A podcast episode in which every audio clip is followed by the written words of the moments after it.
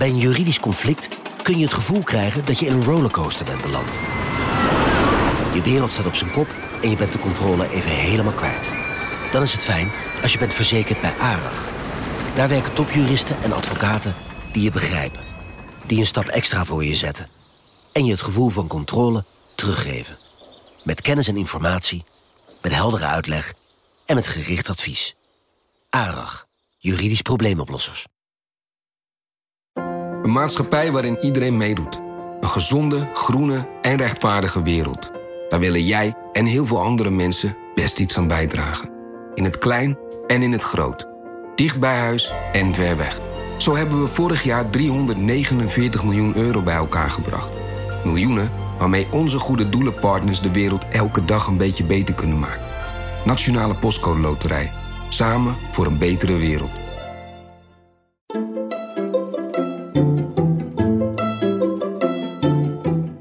Welkom. Wij zijn Onbehaarde Apen. Dit is een podcast van NRC over wetenschap. Now, what if I told you you could lose the weight you want without changing what you eat or your portion sizes? Well, you can. Dus er is heel veel dat je wel gewoon mag eten. Alleen geen brood, pasta, rijst, aardappels, snoep, koek, frisdrank en kant-en-klare producten. Dan snack 1 was een halve komkommer met een klein beetje zout en kaneel.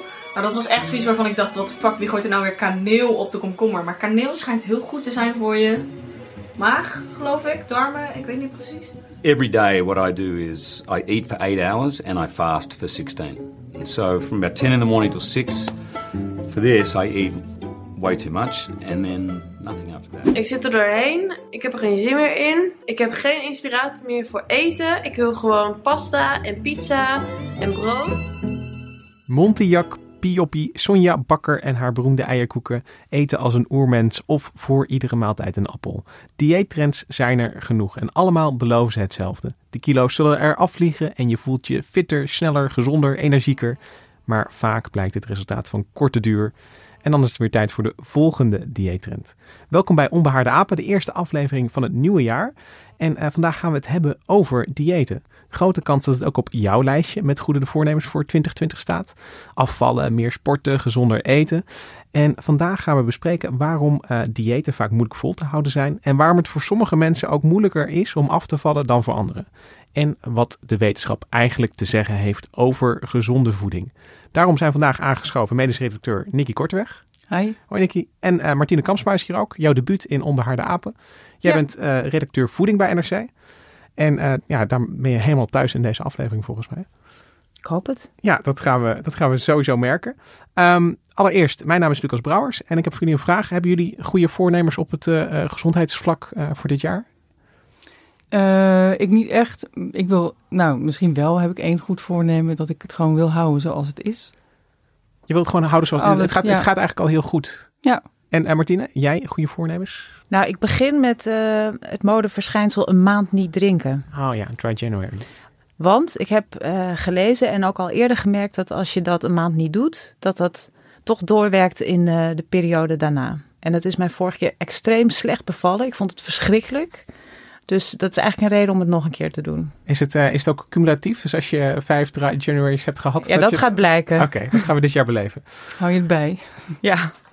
Um, voordat we in uh, de diëten zelf en uh, nou ja, wat, wat ze allemaal beweren gaan induiken, wil ik het eerst even hebben over wat een dieet precies is.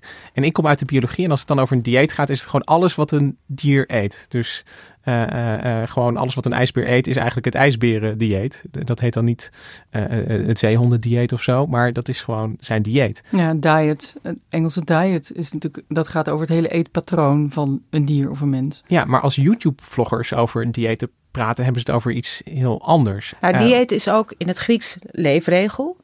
Dus het heeft uh, wel te maken met gezond eten. En bij ons heeft het langzaam de betekenis, of is, staat het synoniem voor afvallen. Dus er worden ongelooflijk veel boeken geschreven over diëten. En dan hebben we het niet over een gemiddeld eetpatroon, dan hebben we het echt over afvallen. Nee, want als je op dieet gaat, dan betekent dat meestal dat je uh, je voeding, uh, voedingpatroon gaat aanpassen op een bepaalde voorgeschreven manier. Ja. Uh, vaak een, een iemand uh, met, een, met een indrukwekkend klinkende achternaam. Ik bedoel, die Montejak, die, die herinner ik me nog van, van heel vroeger. En vaak is, is afvallen of, of gewicht verliezen of gezonder leven toch wel het doel van een, een dieet dat gevolgd wordt. Ja, dus we maken eigenlijk onderscheid tussen een dieet en een eetpatroon. En een dieet is in de praktijk iets wat je niet zo lang volhoudt. Dat doe je een poosje om wat gewicht te verliezen of veel gewicht te verliezen. En een uh, eetpatroon, dat is iets wat je langdurig zou moeten kunnen volhouden.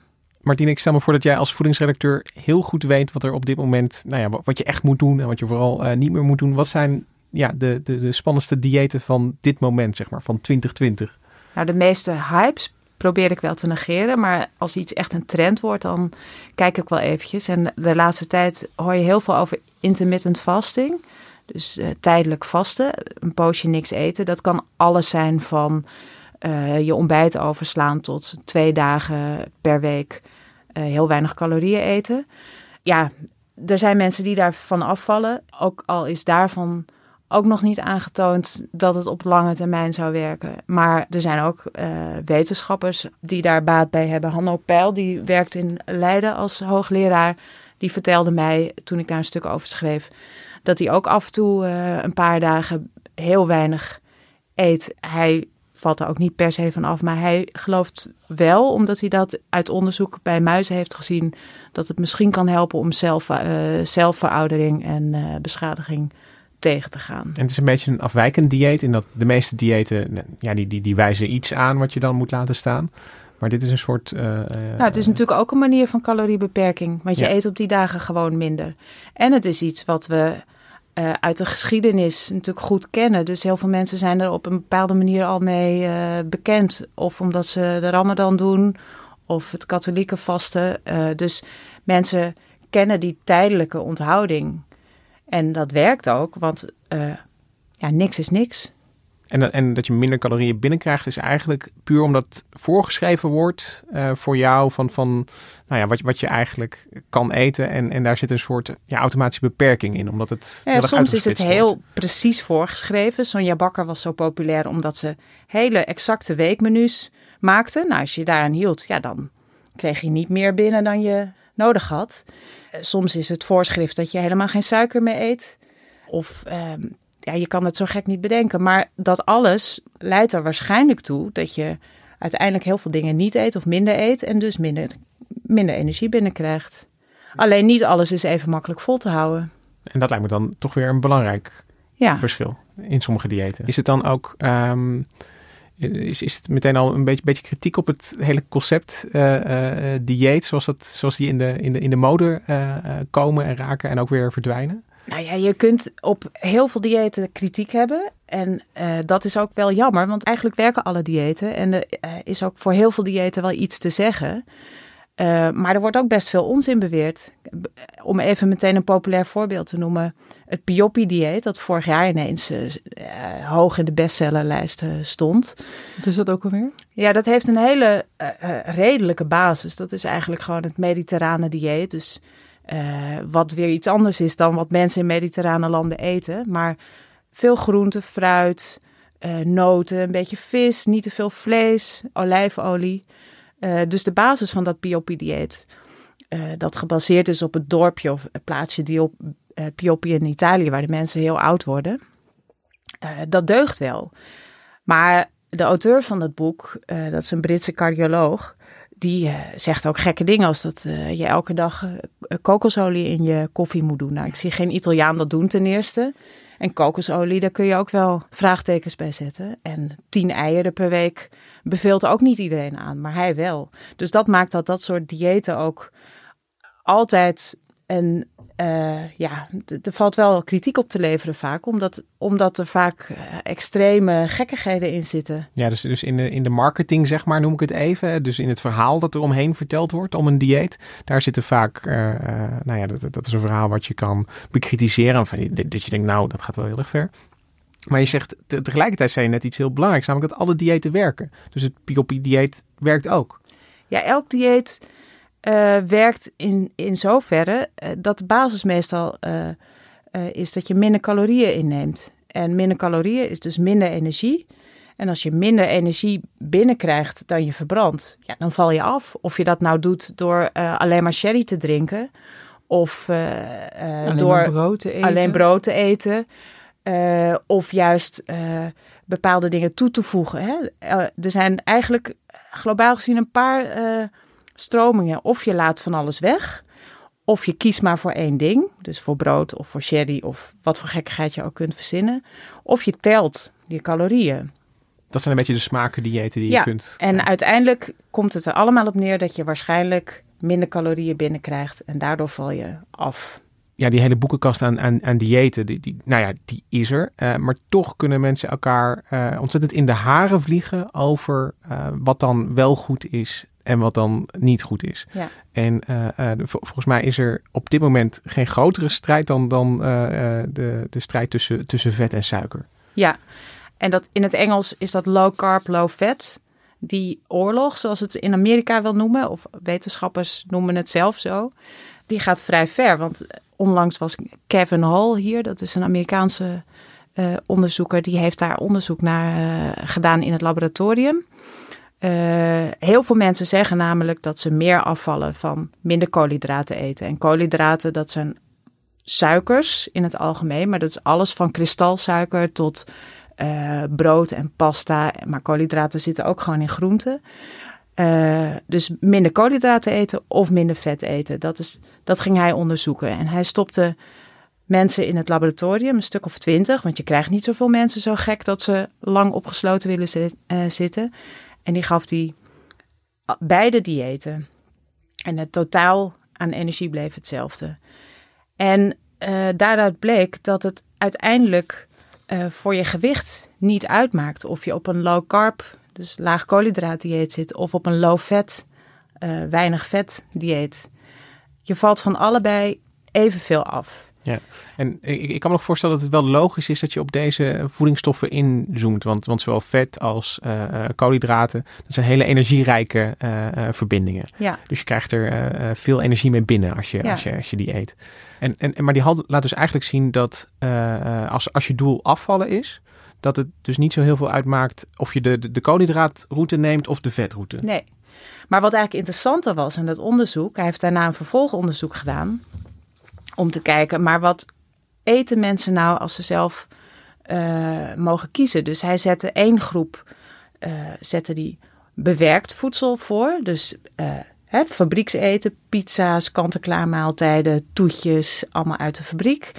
En de andere groep kreeg onbewerkt voedsel, dus je moest zelf je eten koken eigenlijk. Daar kwam het op neer. En, uh, en toen bleek, dus ze kregen evenveel calorieën, dezelfde samenstelling van voedingsstoffen.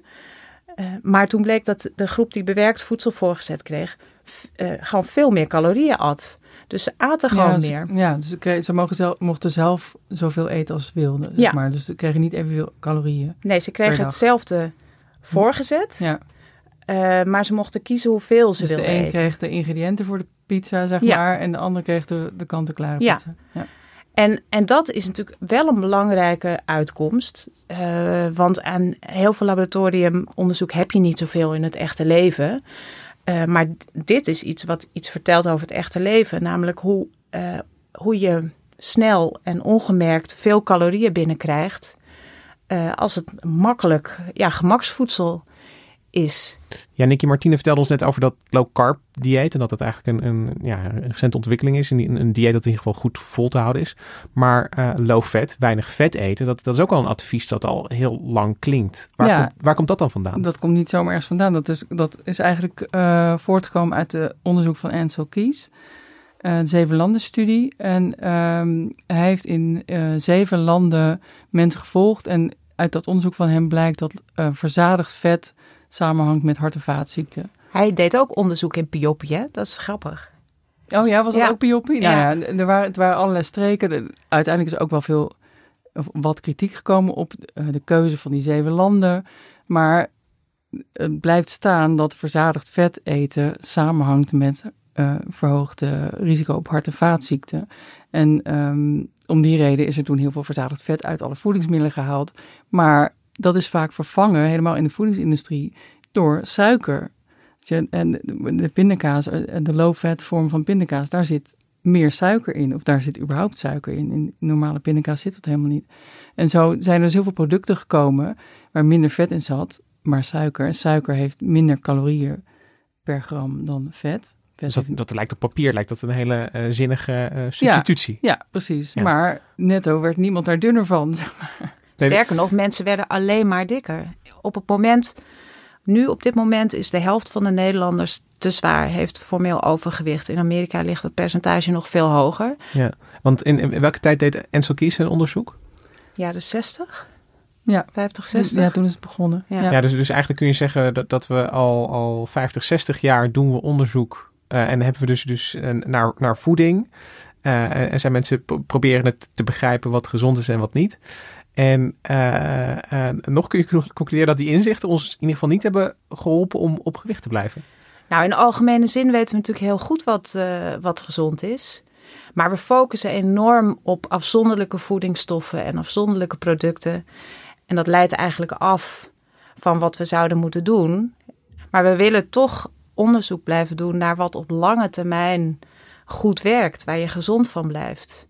En dat onderzoek. Mensen volhouden. Wat mensen volhouden. En dat onderzoek is heel moeilijk. Ten eerste omdat je mensen geen leven lang in een laboratorium kunt stoppen. Je kunt ze vragen wat ze eten, maar mensen schatten dat altijd verkeerd in. En meestal te laag.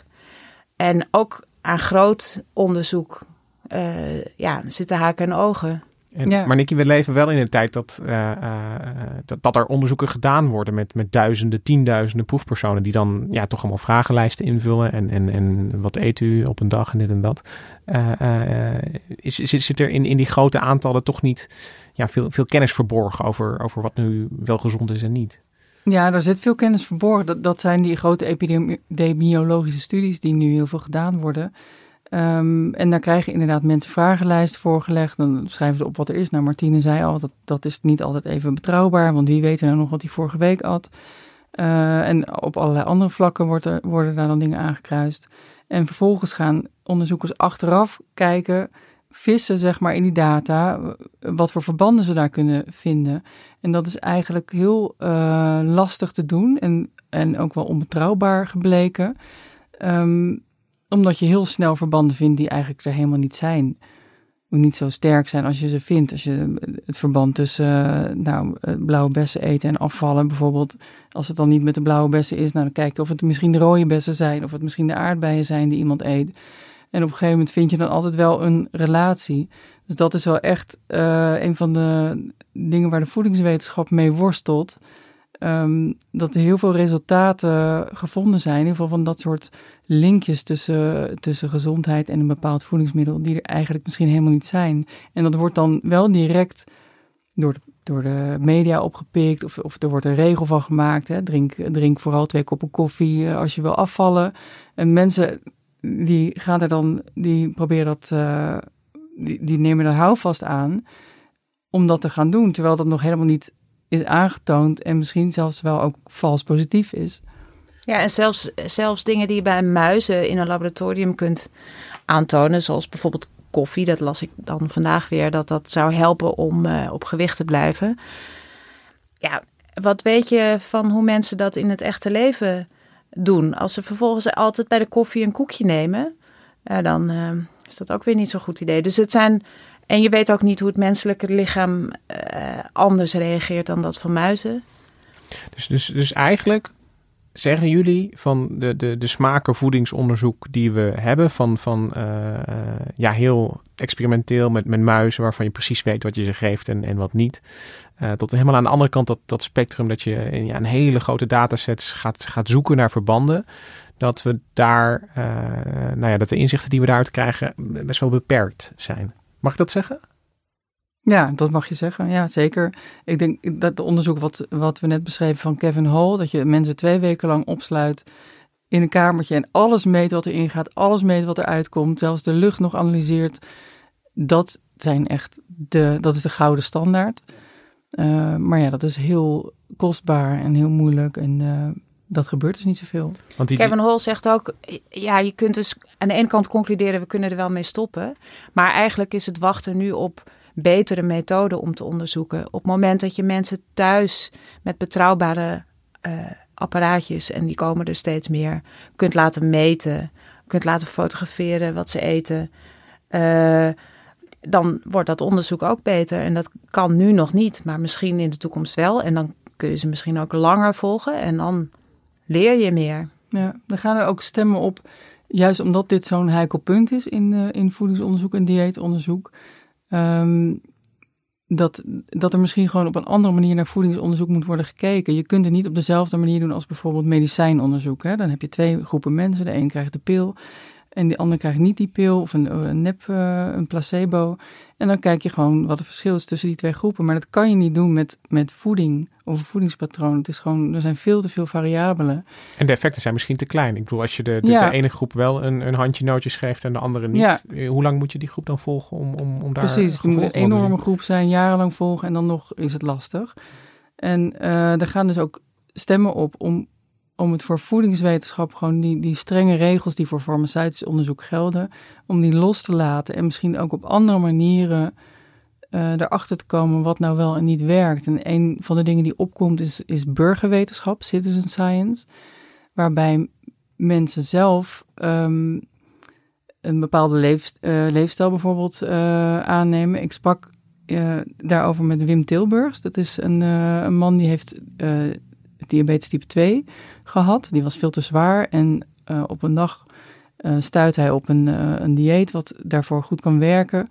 En hij is dat begonnen te doen en hij heeft een Facebook site opgezet en een website opgezet. En daar zijn nu heel veel mensen lid van die ook diabetes type 2 hebben. En die houden elkaar, die, geven elkaar tips, die, die houden elkaar bij de les, die, die lossen elkaars problemen op, vragen op. En hij houdt ook van iedereen bij wat ze dan wegen en, en hoe het gegaan is. Dus hij, hij verzamelt allerlei data. En dat is natuurlijk niet per se wetenschappelijk, maar uiteindelijk kun je daar misschien ook nog wel wat uit leren. En uh, dat loopt nu al een tijdje. En TNO gaat uh, kijken of je daar inderdaad iets uit zou kunnen halen, of je daar iets van kan leren. Dus dat citizen science is een voorbeeld van een andere manier van onderzoek doen op dit gebied van leefstijl, voeding. Uh, in de hoop dat je daar toch nog wat gegevens uit krijgt. Ja, en er zijn ook studies uh, in Amsterdam en de VU zijn ze daar bijvoorbeeld mee bezig, die veel breder kijken. Dus die ook steeds meer de omgeving meenemen. Want uh, wat je lichaam doet is één ding, maar wat er om ons heen gebeurt, dat is misschien nog wel veel belangrijker. Waar woon je? wat is je opleiding? wat verdien je? Wat weet je over voeding? Uh, welke opvoeding heb je gehad? Al die dingen zijn zo belangrijk. Kun, kun je dan in het, in het algemeen zeggen dat, um, uh, dat, dat de voedingswetenschap, de dieetwetenschap iets, iets, een iets holistischere kijk krijgt Naar, naar het leven wat mensen eten en, en, en wat dat doet met hun gezondheid? Het is eigenlijk, zoals sommige wetenschappers zeggen, eh, vraag het om een holistische benadering. Je moet naar alles kijken. Ja. En, en, en die kritiek die, uh, die, die, die vaak klinkt op voedingswetenschap. Ja, gisteren mochten we nog uh, geen chocola en vandaag is het weer wel chocola. Dat, dat gaat dan daarmee misschien iets van het verleden worden. Dat, dat, dat we, nee, dat zullen onderzoekers waarschijnlijk altijd blijven doen. Ja. Want we willen het allerkleinste weten en we willen het allergrootste weten. En dat is ook nuttig. Maar je ziet wel dat de wetenschap en ook vooral de richtlijnen voor goede voeding wel steeds meer uh, kijken naar patronen. Dus niet naar afzonderlijke voedingsstoffen, uh, zelfs niet naar een, een afzonderlijke diëten, maar naar grote voedingspatronen. En, en uh, hoe, je, hè, ja, hoe het geheel van wat je eet jou ja. goed doet. Ja. Precies, en in die zin is het dus ook niet dat low carb het beste is of low fat het beste is. Het is natuurlijk allebei. Je moet niet te veel vet eten en niet te veel uh, koolhydraten. Dus dat holistische zit daar ook in. Oké, we, we, hebben tot nu toe veel gehad over de wetenschap en uh, uh, nou ja, wat we hebben geleerd, gewoon als, als, als, als, als, in wetenschap geïnteresseerde mensen over voeding en wat goede voeding is. Um, maar nu wil ik het even terugbrengen naar het, het individu waar we ook mee begonnen. Van iemand wil afvallen, iemand wil minder wegen, gezonder leven.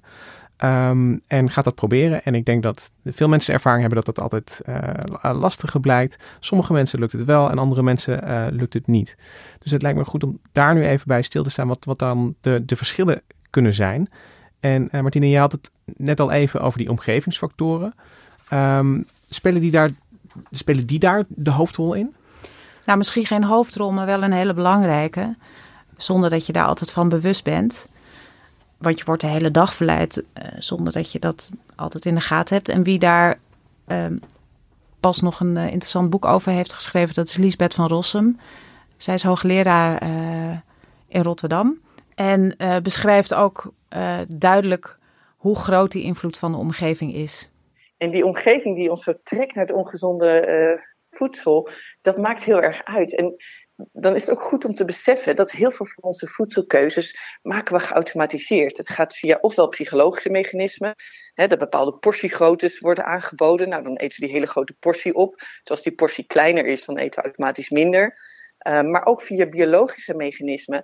Dat, um, dat, dat is, uh, stel, ik loop uh, ergens in een stad en ik zie een lekker stroopwafeltentje en ik ruik het. Dan gaat mijn, mijn hongermogeline bijvoorbeeld gaat aangemaakt worden en de insuline. Dus mijn bloedsuiker gaat omlaag. Ik krijg trek. Ja, en dan uh, ga je onbewust toch veel makkelijker ga je dat kopen. Terwijl je best wel weet dat, dat er ergens een salade staat en die is dan veel, goed, uh, veel gezonder voor je. Dus dan heb je die kennis wel, maar je lichaam drijft je daar toch, toch naar die uh, stroopwafel die je op dat moment ruikt. Lisbeth heeft het hier eigenlijk over die, die interactie tussen ja, wat, wat, wat, je, wat er om je heen gebeurt. Dus, dus nou ja, hoe groot de pizza is die, die, die wordt opgediend. En, en wat er in het lichaam uh, gebeurt.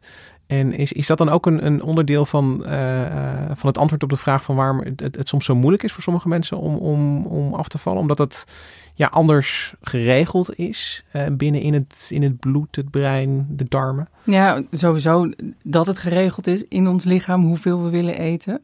En dat wordt allemaal geregeld door hormonen. Er zijn enorm veel hormonen bij betrokken. En uh, Lisbeth noemde er net al uh, twee. Ghreline had het over. Dat wordt gemaakt door je maag en dat is het signaal, het hongersignaal. Uh, ze noemde ook insuline. En dat is het hormoon wat we maken als we suiker hebben gegeten. Dan stijgt de suikerconcentratie in het bloed. En insuline, dat wordt gemaakt door de alvleesklier. En die zorgt ervoor dat die suiker uit het bloed wordt opgenomen in de weefsel. Zodat je dat kan gebruiken voor energie. En die gel, gel, insuline heb ik vaker gehoord, maar geline is, is, is nieuw voor mij. Als ik, ja. als ik nu een, een shot geline zou krijgen uh, van buiten toegediend, dan, dan zou ik me hongeriger gaan dan krijg, voelen. Ja, dan krijg je wel honger, ja. Oké. Okay. Ja. en um, nou, die insuline, dat is een heel belangrijk hormoon. En je ziet dat bij mensen die, die heel vaak suiker eten, um, daar moet steeds dat insuline weer gemaakt worden door, door die alvleesklier, steeds opnieuw. En je, dan zie je dat die weefsels daar iets minder gevoelig voor, voor worden. Dus die alvleesklier moet meer insuline maken, zodat toch nog die suiker wordt opgenomen. Dus die alvleesklier moet harder aan het werk. De weefsels worden ongevoeliger. Uiteindelijk wordt die alvleesklier ook uh, een beetje vermoeider, dus die maakt niet meer zoveel.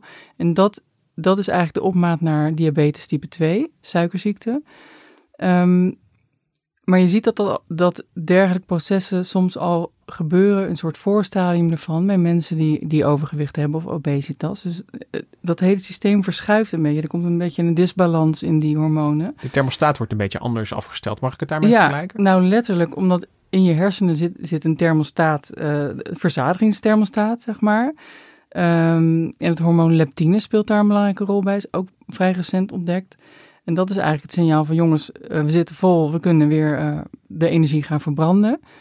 Uh, als je dat bij muizen bijvoorbeeld inspuit, dan, dan vallen ze af en dan worden ze super actief. Dus mensen dachten ook, oh, we hebben het gevonden, we geven te dikke mensen leptine en, en alles komt weer goed. Maar bleek juist dat dat helemaal niet zo was, dat mensen met overgewicht veel te veel leptine hebben. En dat komt omdat die thermostaat in je brein niet meer kan signaleren dat er leptine circuleert. Dus die, die hoort zo gezegd, niet meer het signaal van we zitten vol met energie en we kunnen actief worden. Uh, dus je krijgt die leptine ongevoeligheid ook in je brein. En uh, ja, dat helpt de boel natuurlijk niet, want dan blijft dat hongergevoel dat blijft dan. En, en het lichaam weet niet meer dat, dat we al genoeg hebben. Overigens is dit wel ook wel uh, dat de voorstanders van low carb vaak aanhalen. Dus dat je bloedsuiker pieken afnemen als je minder suikers eet. En dat uh, dat dus ook helpt om minder honger te krijgen. Ja. Zeg ik het zo goed? Ja, zeker. En maar dat is ook, daar hoef je, low carb, ja, dat, dat dat kan heel veel betekenen. Je kunt gewoon alle koolhydraten schrappen, maar gewoon een, een eh, voedingspatroon met niet te veel eh, snelle suikers en, en vooral eh volkorenproducten. Dat is ook al, daar bespaar je dat ook al op. En, en iets minder eetmomenten dan de hele dag door. Het gaat er vooral ook om, hè, dat je, dat, je moet dus minder koolhydraten binnenkrijgen, maar ook niet de hele dag dat systeem maar aan laten gaan. Niet de hele dag je insuline proberen aan te laten zwengelen. En ja, ieder, iedere diëtist die een dieet voorschrijft aan iemand die af wil vallen, die, die let erop. Die zorgt dat je gewoon een aantal eetmomenten hebt per dag en dat je daartussen niks eet. Maar dat kan het dus wel eh, eh, lastig maken voor sommige mensen. Als je al in die situatie zit met Ja. een eh, ontregeld insulinesysteem of een, een, een leptine ongevoeligheid. Ja, en dan, sta je eigenlijk al een beetje achter op het moment dat je gaat. Ja, je hebt de beslissing genomen. Ik, ik, ik ga mijn eetpatroon veranderen. Dan, dan werkt dat je tegen, in je eigen lijf. Ja, dan kun je bijna niet meer tegenop met je wilskracht. Dat zijn zulke sterke signalen. Dat, dat is niet meer te doen op het moment dat je echt honger hebt. We kunnen ook even luisteren naar Van Rossum die dit eh, eh, expliciet benoemt over, over die rol van, van de hormonen, zeg maar, en, en hoe die je kunnen hinderen bij het, eh, bij het afvallen. Ja, als je wil afvallen kan het soms heel erg lastig zijn. Eh, dat hangt er wel vanaf wat je gewicht is eigenlijk op het moment dat je aan zo'n eh, dieet begint. Ehm, als je een paar pondjes te veel hebt, dan gaat het vaak wel. Ehm, maar als je bijvoorbeeld echt obesitas hebt, en dan hebben we het over een body mass index die hoger dan 30 is. Wat er dan is, is dat je, eh, je lichaam in een bepaalde toestand staat die onthoudt dat je veel te dik bent. Op het moment dat je dan een crash dieet gaat doen, eh, dan zie je dat eh, op de korte termijn gaat dat vaak wel lukken qua gewichtsafname. Dan vallen mensen af. Maar na een aantal weken zie je dan dat de hongerhormonen in je lichaam, die gaan dan omhoog. Ehm, en je verzadigingshormonen die in je maag-darmkanaal worden gemaakt, die gaan omlaag. En het effect daarvan eigenlijk is dat mensen gemiddeld genomen meer honger krijgen. Dus je krijgt meer trek.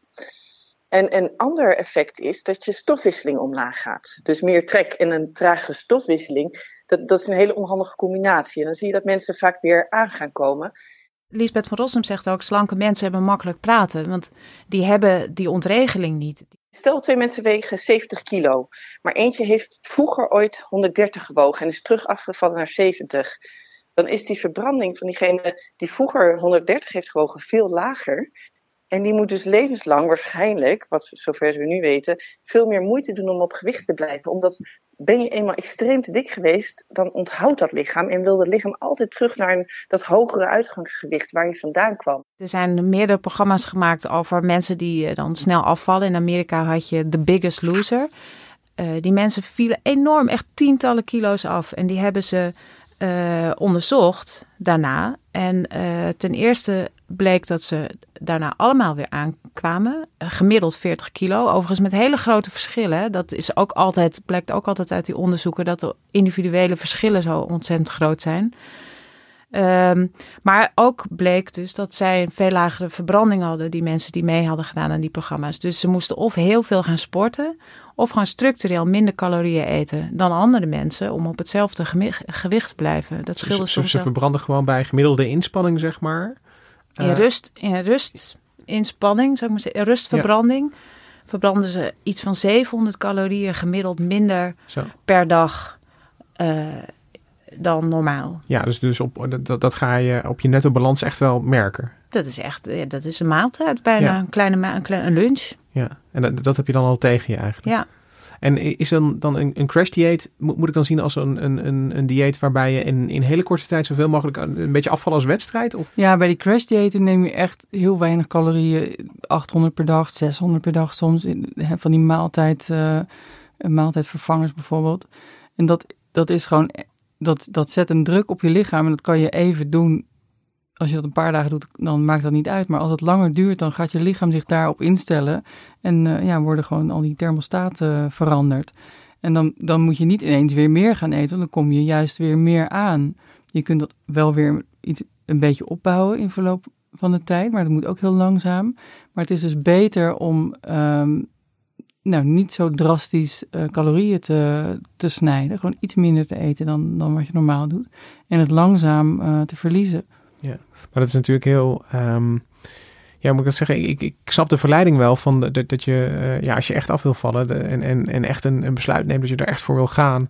En, en dat je het dan op die manier doet dat je zegt van ja, ik, ik wil ook een radicale breuk maken met, met mijn oude patroon. Ik wil naar een nieuw patroon. Maar dat, je wil ook beloning natuurlijk. Dat werkt natuurlijk wel als, het, als je lekker eh, een kilo per, per week afvalt. Dat is natuurlijk wel fijner dan wanneer het langzamer gaat. Maar het, het is dus zaak om, om uh, ervoor te zorgen dat je dus, weet je, het is, het is misschien wel te doen om uh, dat op korte termijn alles over de boeg te gooien, over een andere boeg te gooien. Maar je moet het dus volhouden. Dat is eigenlijk wat er aan de hand is.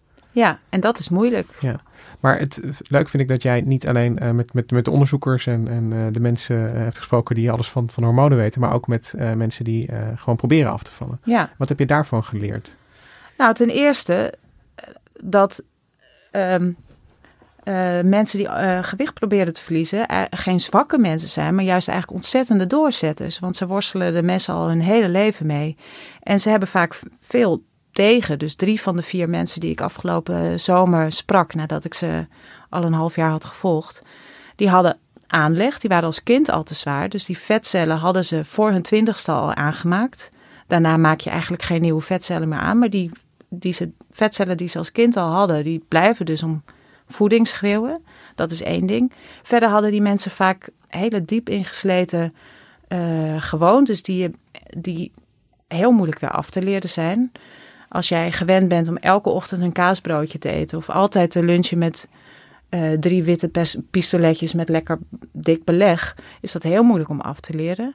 Maar ook de omgeving van die mensen werkt er niet altijd mee. Dus als je, uh, als je gezin het niet leuk vindt om mee te doen met jouw nieuwe eetpatroon, of je hebt onregelmatig werk en nachtdiensten, uh, ja, dan, dan is het gewoon heel moeilijk om een, nieuw, een nieuwe leefstijl aan te leren. Want deze mensen waren heel nadrukkelijk niet op een dieet, maar probeerden echt een nieuwe leefstijl zich aan te meten. Ja, dus dat is nog iets, iets uh, uh, een, een, stapje ingewikkelder en moeilijker misschien dan, dan een dieet volgen? Of? Nee, dat betekent dus dat je naar alles tegelijk kijkt. Dus je ja. probeert wat meer te bewegen. Je probeert je hele voedingspatroon aan te passen. En uh, dat, dat vraagt veel. Ja.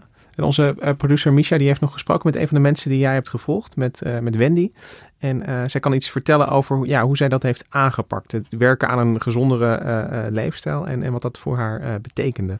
Ik ben in het hele traject gestapt omdat ik gewoon ehm, moe was van het maar zonder na te denken, dingen in je mond te stoppen. En denkt, ja, het is op. Vond ik het lekker? Eigenlijk niet. Vooral s'avonds dan altijd maar zo zoekende bent naar lekkers. Nou, daar was ik eigenlijk, daar was ik zo, daar was ik gewoon klaar mee. Nee, en ik ben er eigenlijk, ik ben dit ook niet begonnen als dieet, zeg maar. Dus, um, en ik denk dat dat uiteindelijk, uh, dat dat ook meteen de grootste kracht is van het volhouden.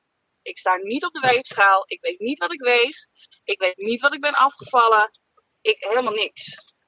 Oh, uiteindelijk gaat het erom dat ik, me, dat ik me goed voel, dat ik, me, dat ik happy ben, dat ik uh, meer energie heb. Um, ja, kijk, en natuurlijk dat je uh, eetstijl verandert. En als je veel te zwaar bent en je valt daardoor af en je kan uh, een paar maten kleiner aan en je kleding staat wat leuker, hey, dat helpt natuurlijk zeker mee. Dus eigenlijk het, het uh, omgekeerde vertelt Wendy hier, dat, dat juist die, die ja, integrale aanpak, zeg maar, beter werkt voor haar dan, dan uh, een, een Pioppi-dieet volgen, waarbij je nou ja, meer moet wegen en, en meer, meer bezig bent met Ja. je voedsel als... Nou ja, wat zij ook zei toen ik haar voor het eerst sprak, een dieet voelt als een straf. En dit voelt voor haar als goed voor jezelf zorgen. Daar word je voor beloond. En als ze nu een keer een taartje eet, doet ze dat heel bewust en dan geniet ze daarvan. En dan straft ze zichzelf niet daarna door dan twee dagen weer helemaal niks te eten. Dus het gaat over het hele patroon. Als dat gezond is, dan mag je best af en toe een kroketje of een, uh, of een taartje. En uh, dan is het ook dus beter vol te houden. Maar het moet een gewoonte worden. En het ontwikkelen van gewoontes, nieuwe gewoontes, dat is het moeilijkste wat er is. Want die oude gewoontes, die laten zich heel moeilijk overschrijven door nieuwe. Die zitten zo vast. Even, even s'avonds nog een, een, een, beetje kaas uit de koelkast uh, graaien, uh, uh, koekjestrommels altijd nou, een beetje zijn bijvullen. Vaak hele, hele sequenties van dingen die je doet, die maken dat je ze blijft doen. Dus als jij voordat je naar bed gaat gewend bent om nog even naar de keuken te lopen, je doet de koelkast open, je pakt een stuk kaas, je pakt een mes, je snijdt een stuk kaas of je stopt het in je mond, je gaat naar bed. Als je dat jaren doet, is ongelooflijk moeilijk uh, om niet meer te doen, want het is een automatisme. Uh, waar, je, waar je helemaal niet meer over nadenkt. Dat klinkt best, best gek, Nicky. Dat het, het, het, zijn, het zijn vijf, zes handelingen achter elkaar en je denkt er niet bij na, zegt Martine. Ja, ja dat zijn echt van die, van die gedragssequenties uh, die gewoon helemaal ingesleten zijn, helemaal geautomatiseerd zijn.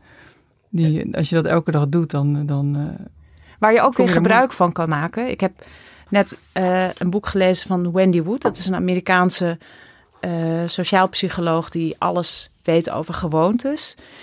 En zij legt uit dat wilskracht, zelfbeheersing, vergeet het, daar heb je helemaal niets aan. Goede voornemens, dat zijn uh, uh, gedachten die zich voor in je hersenen afspelen, waar je maar heel kort iets aan hebt.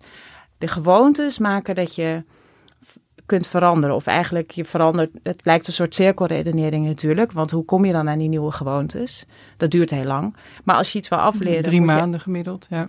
ja, en daarbij hangt het ook weer... Kijk, iets kleins kun je makkelijker veranderen. Als jij elke dag langs het, op het station langs, een, uh, uh, langs die heerlijk ruikende uh, kaasbroodjes loopt... en je neemt je voor om voortaan een andere route te nemen... en je doet dat een paar weken, dan zit het er wel in... Maar het voornemen om gezonder te koken, dat vraagt zoveel handelingen, dus zoveel automatismes ja, bij elkaar, dat zo'n gewoonte duurt natuurlijk veel langer. Maar het kan wel, je kunt, uh, ja, als je iets maar lang genoeg doet en iets anders dus niet meer doet, en je koppelt het ook nog eens aan andere handelingen die je elke dag doet. Uh, ja, dat is vooral belangrijk, hè? Dat je ja. dan dat je een soort, als je ochtends toch al bezig bent met opstaan en naar de wc gaan en douchen en dan je tanden poetsen. En dat je dan een nieuwe gewoon, iets nieuws wat je, wat je voortaan als gewoonte wil hebben, als je dat dan inbouwt. Maar is dat dan, is dat makkelijker als je het koppelt aan, aan iets wat toch al een automatisme was? Maar is dat dan, ik zit ineens te denken aan het begin, is dat dan niet de kracht van dieet? Is dat ze, zeg maar, ze, ze zijn vaak zo radicaal en, en je hele voedingspatroon omvattend, dat je eigenlijk alles wat gewoond is overboord moet zetten om er aan het dieet te voldoen. Uh, dus, dus dat je op die manier, ja, het, het, het is eigenlijk een soort. Uh, nou ja, maar dat is ook waardoor bijna. je het niet volhoudt, want je komt elke dag, doe je dingen die. je neemt 200 voedselbeslissingen per dag, ongemerkt. Dus dat zijn hele kleine dingen. Dus hoeveel boterhammen smeer ik ochtends of hoe snel eet ik. Of, hè, dat zijn ook beslissingen. Maar je neemt zoveel voedselbeslissingen per dag. Je kunt bijna niet anders dan op routine varen. Uh, maar als jij heel kort een dieet volgt, moet je dus al die routines laten. Dat is bijna niet te doen. Wat wel zo is, is dat het makkelijker is om een simpele regel te hebben dan om heel veel verschillende dingen tegelijk aan te moeten pakken. Ja, en dat goede voornemen uitspreken, wat we dus allemaal aan het begin van het jaar doen, dat is, zeg je eigenlijk, um, schiet je daar nog niet heel veel mee op. Als je, als je nou ja, je moet van tevoren goed bedenken Hoe dan? welke, ja, eigenlijk uh, welke uh, barrières je moet uh, opwerpen om iets niet te doen. En welke stimulans je moet creëren om iets wel te doen. Dus als jij kunt regelen dat je op je werk een koelkastje hebt waarin je salade kunt bewaren, dat is een stimulans. Maar dan moet je wel zorgen dat je geen cash geld bij je hebt om alsnog in de automaat een, een Snickers te kunnen halen. Dus dat is dan weer een barrière. Maar het confronteert je... je... heel erg met jezelf als een, een soort ja, uh, wezen vol automatismes, deze uh, gedachteoefening. Wendy, Wendy Wood zegt ook als je, uh, dat je gedachten de grootste vijand zijn. Want zodra je gaat nadenken, ga je excuses verzinnen om iets niet te doen en dan gaat het mis. Dus pas als iets echt een nieuwe gewoonte is geworden, wat heel moeilijk is, want om gewoontes te ontwikkelen heb je beloning nodig. En van de wortel voel je weinig, hè, krijg je weinig dopamine van, zou ik maar zeggen. Uh, maar als je het lang genoeg doet, heb je die beloning ook niet meer nodig. Dan wordt iets een automatisme. En ja, dat een gewoonte werkt beter dan wilskracht of zelfbeheersing. Dus ja, het, je, je zegt, ik, ik hoor je zeggen en, en toch klinkt het ergens contra-intuïtief. Dat, Ja. dat, dat, weet je wel, we, we vinden onze zelfbeheersing vinden we meestal heel, heel wat. En, en, eh, maar, maar de zaak is eigenlijk om zo snel mogelijk om, om dat, op dat ge- gewoonteniveau te komen. Dat het eh, eh, normaal is dat je niet meer die, die, die, die cola neemt in de avond, maar een, een glas water of een glas thee eigenlijk. Nou ja, je moet natuurlijk wel nadenken over hoe je dat organiseert. Maar eh, wat een van die vier mensen bijvoorbeeld deed, die ik eh, van de zomer sprak, was dat ze had geregeld dat ze met een vriendin twee keer per week een eind ging wandelen. Als je dat regelt, eh, ja, dan zit je op dat moment dus niet te Netflixen. En voor haar stond Netflixen synoniem met chips eten, colaatje erbij of een lekker drankje. Dus je elimineert het één. Je werpt barrières op voor die cola en die, en die chips. En ja, je zoekt een stimulans om het goede te doen. Dus die vriendin die jou helpt om eh, mee te gaan wandelen. Maar kunnen we in plaats van dat we eh, aan het begin van het jaar dus, dus goede voornemens aan elkaar uitspreken, zouden we beter eh, eh, een, soort leefregels met elkaar kunnen delen die we gaan eh, veranderen? Goede afspraken met elkaar maken. Dat. Voor wandelen, ja. ja. Is, is, is, is dat, eh, zou je dat eh, durven aanraden aan, aan iedereen die luistert om, om, niet, om, om die goede voornemens maar, maar te laten zitten en gewoon recht naar de gewoonte eh, nou ja, even om, om naar bijvoorbeeld die droge januari te kijken. Waarom werkt dat? Je, je, je doet iets niet meer. Helemaal niet. Eh, Dat is makkelijker dan, dan dat je elke keer moet afvragen: zal ik het nou wel of niet doen? Ja. Of zal ik er dan nog één doen of toch maar niet? Die Ja. hele discussie ben je dan kwijt. Dus gewoon niet. Dus de, Ja. de, de goede voornemen equivalent hiervan is van ik ga minder drinken in 2020. Nou, dan kun je dan al, ja, eh, ik, ik spreek het uit en, en ik, ik ja, vanmiddag denk je naar hopeloosheid één glaasje. ja. één glaasje dan. Ja, En dan ben je verloren. ja, daar ga je al. Nou ja, en gewoontes. eh, wat ook helpt, eh een van de vier die ik sprak was Tony. En als Tony naar de supermarkt gaat, eh, haalt, haalde hij altijd dezelfde ongezonde dingen. Als je op een gegeven moment je route in de supermarkt hebt afgesteld op een bakje volle kwark, ehm, hummus, ehm, vezelrijke crackers, Fruit, groenten. fruit en groenten. En eh, alles daaromheen begint een gewoonte te worden na een paar weken of maanden. Ja, dan wijk je misschien ook minder snel van die route af om eh, naar het eh, chipschap of naar het koekschap te gaan. Maar dat moet wel insluiten. Het heeft tijd nodig. Meer gewoontes, minder diëten. Ja. Ik zou zeggen helemaal geen diëten meer. Want in essentie, ehm, een gezond voedingspatroon. Eh, we weten allemaal wel ongeveer hoe het eruit ziet. Maar je hebt simpele handvatten nodig om het voor jezelf werkbaar te maken. Heb je een voorbeeld? Nou ja, voor mezelf, ik las ooit. eh, Michael Pollan is een Amerikaanse voedselschrijver. En die eh, zegt: ehm, Eat food, not too much, mostly plants.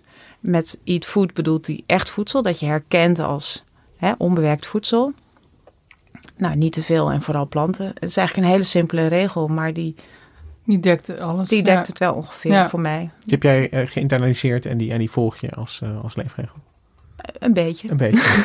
Ja, en dan zit je eigenlijk gewoon aan het mediterrane voedingspatroon, wat, wat wel eh Zoveel uit heel mogelijk. veel onderzoek eh, als goede uit de bus komt. En Ja. jij? Ja, ik heb, ik heb het nog simpeler gemaakt. Ik eet gewoon geen suiker meer. No carb, N- nee, wel carb, maar geen eh, toegevoegde suiker. geen toegevoegde Nee. suikers. Dus En een, dat- een, banaan ben mag je- wel. Ja, banaan. Ik mag wel een banaan, ja. Gewoon Ja. fruit wel. Maar eh, ja, alle dingen waar suiker aan toegevoegd is. En ik voeg het ook zelf niet meer toe. En dan merk je dat, dat je gewoon heel veel... Nou, sowieso alle bewerkte voedingsmiddelen ben je dan kwijt. En ehm, ja, en als je wel fruit eet dan, eh, en groenten en, en granen... dan kom je prima aan je carbs. En ben jij nu aangestoken, Lucas? Heb je inmiddels Nee. wel een goed voornemen? Nee, ik heb nog Of een geen plan? Nee, ik heb ook geen plan. Eh, de- Het werkt voor mij het beste als ik me gewoon aan het boodschappenlijstje hou. Eh, de- ik, ik weet voor mezelf dat als ik dan toch die zak erop koop, dan gaat die op. Eh, dus, dus dat, en als ik toch die biertjes meeneem, dan gaan ze ook op. Dus dat moet ik gewoon niet doen. Dat is eigenlijk het, eh, het, het, het allersimpelste wat voor mij werkt. Dat zeggen ze ook, zegt Wendy Wood over wat eigenlijk het geheim is van mensen de, waarvan je denkt dat ze zoveel wilskracht hebben of zelfbeheersing. Die hebben niet per se meer wilskracht of zelfbeheersing, maar ze hebben goede gewoontes aangeleerd gekregen, waarschijnlijk al vroeg in hun leven, waardoor ze helemaal niet in de verleiding komen. Wat, wat, ik, het, weet nog, als, ik, ik was kind en in Brabant met, eh, eh, kon je veel snoep ophalen met eh, drie koningen. En ik, ik spaarde dat allemaal op. Dus ik, ik, ik had echt een, een drie trommels vol en daar kon ik gewoon van afblijven. Tot ik dan het, moment nam, eh, eh, dat, ja, een keuze van nu ga ik het opeten. En dan was het ook in, in eh, binnen een week was het allemaal op. Jij had in het marshmallow-experiment moeten zitten. Misschien, maar... maar Ken je dat? ik- ja, ik ken, ik ken dat over, als het over wilskracht gaat. Dat, dat je- dat je die kindertjes een, een, een marshmallow voor te houdt. En, en zegt van als je even wacht, krijg je er twee. Ja, maar wat, wat Wendy Wood liet zien, was heel grappig. Die zei, ja, dat, is, dat weet je dan. Dus sommige kinderen kunnen zich beter beheersen dan anderen. Maar waarom?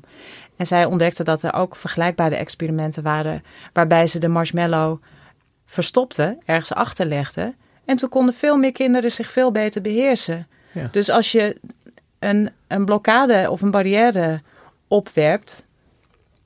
Ja, dan, dan is het dus geen kwestie meer van zelfbeheersing. Maar dan is het er gewoon niet.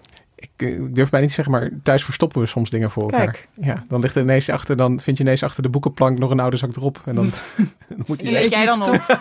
Alsnog helemaal op. Ja. Ik proef er altijd eentje. En, en dan, eh, dan concludeer ik dat ze te oud zijn en dan gooi ik ze toch weg.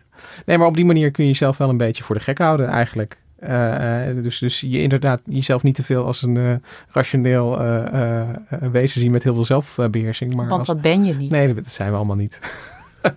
Ja, omgeving aanpassen. Ja, en dat, dat lijkt me de enige eh, eh, goede conclusie aan het eh, einde van een heel gesprek over eetpatronen en eetgewoontes en wat we allemaal eten en wat we allemaal kwijt willen raken. Martine, heel erg bedankt voor, voor je bijdrage. Echt veel geleerd. Nicky ook bedankt. Misha Melita bedankt voor de productie van deze aflevering. En de tune die je hoorde is van het Dudok Quartet.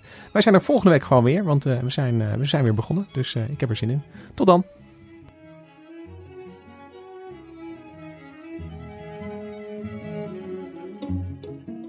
Hey, Lucas hier nog even met een eh, eh, luisteraarsreactie die we kregen op de uitzending over het Stanford Prison Experiment.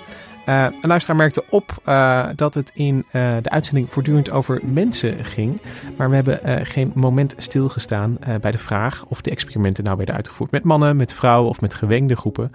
En eh, dat in studies naar agressiviteit, machtsmisbruik, gevangenisgedrag, dat eh, ja, de seksen van mensen toch wel uitmaakt. En eh, toen we die reactie lazen, dachten we natuurlijk, we sloegen onszelf een beetje kop. We hebben het helemaal niet gehad over of het over mannen of over vrouwen ging. De meeste studies naar geweld, die worden uitsluitend met mannen gedaan. Zo ook in het Stanford Prison Experiment.